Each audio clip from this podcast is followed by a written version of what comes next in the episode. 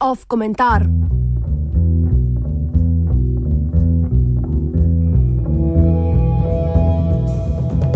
Ustavno-politična PR služba.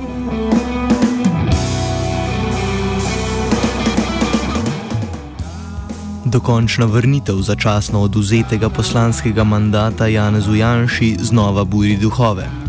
Pred slabim tednom dni se je naše ustavno sodišče odločilo prvaku Slovenske demokratske stranke Janezu Janši dokončno vrniti pred dobrim letom dni oduzeti poslanski mandat. Sodba predstavlja logično sosledje dosedanjih odločitev sodišča, saj je mandat pred pol leta bil začasno vrnjen. A po drugi strani, tokratna poteza politično-sodnega organa oblasti nakazuje na novo, doslej nevideno politizacijo najvplivnejših državnih političnih institucij.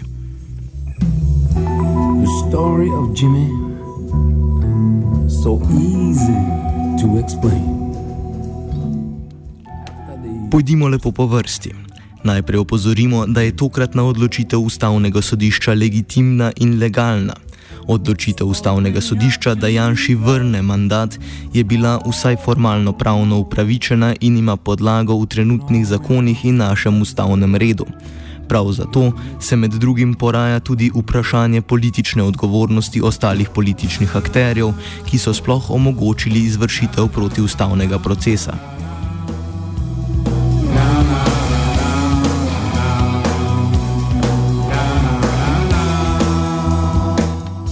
Predsednik državnega zbora, sicer doktor mednarodnega prava Milan Brgles, ki je sploh omogočil postopek proti ustavnega oduzema mandata, očitno politično ne namerava odgovarjati za popoln debakl slovenskega državnega zbora.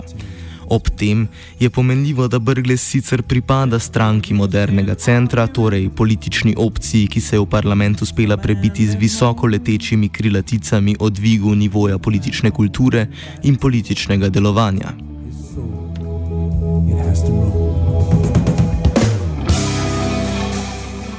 A po drugi strani je sporna tudi vloga ustavnega sodišča. Že od samega začetka sodnega in ne nazadnje tudi političnega procesa Patrija je vloga dotične politične institucije precej jasna. V moč formalno-pravnega ustavnega opravičevanja in upravičevanja dejanj politika Janeza Janše so verjeli tako Janšo odvetnik Franci Matos kot praktično celotno vodstvo SDS. Naloga ustavnega sodišča ni toliko obramba liberalno-pravnega reda in iskanje kompromisa med črko zakona ter ljudsko voljo, kot je interpretacija ustave z namenom upravičevanja določenega politikantskega diskurza in političnih opcij.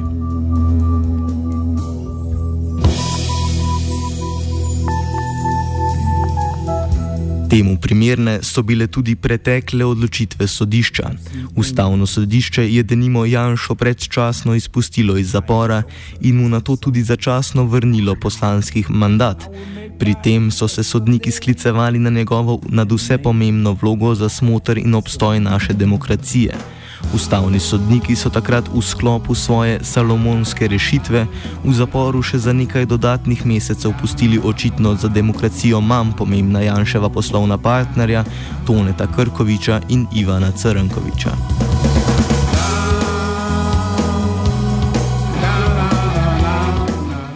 A najbolj odmevna odločitev ustavnega sodišča je vsekakor razveljavitev celotne sodbe Patrija za vse tri obtožence zaradi procesnih napak.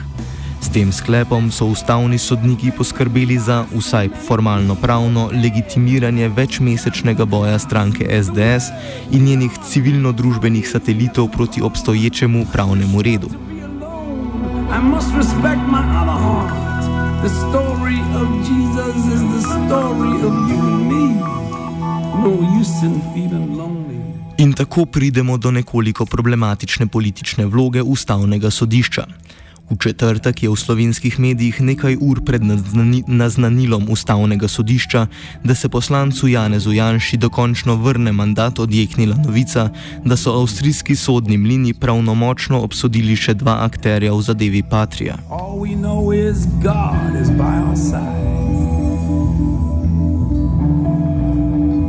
The story of life is quicker than the winking of an eye. Obsojena sta bila patrijin lobist Wolfgang Riedel in posthumno Jože Zagožen, nekdani direktor holdinga slovenskih elektrarn. Dvojica naj bi si v Avstriji izmenjala 900 tisoč evrov gotovine, ki jih je na to Zagožen, sicer vidni član SDS, dostavil svoji stranki.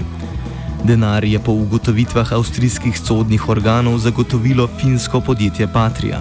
Poleg tega so Avstrijci povdarili, da ni dvoma, da je Janez Janša kot predsednik takratne vlade in vodja SDS imel vpliv na izbiro Patrije.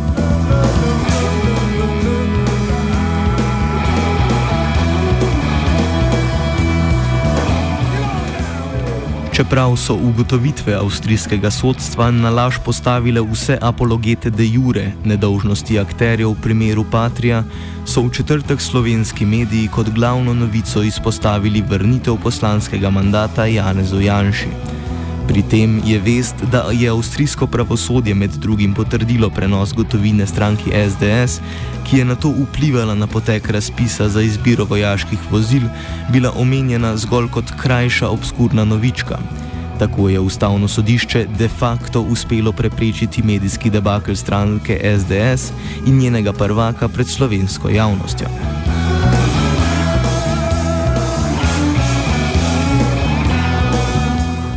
SDS je ob pomoči ključne državne politične institucije uspelo izvesti neverjeten medijski spin. Navkljub temu, da je odločitev ustavnega sodišča o vrnitvi mandata tokrat res da bila upravičena, je njena časovna usklajenost sodbo avstrijskega sodišča v primeru Patrija preprosto preveliko na ključje.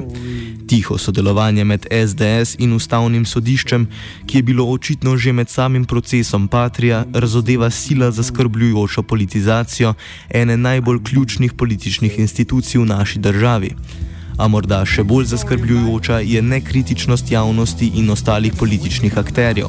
Oboji so očitno že popolnoma sprejeli vse manj demokratično in vse bolj zaostreno in nevarno politično igro SDS-a.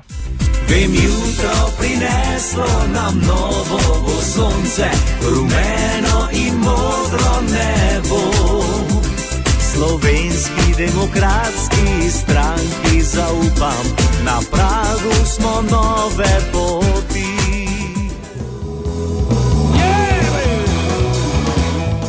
Ov komentar je pripravil Martin.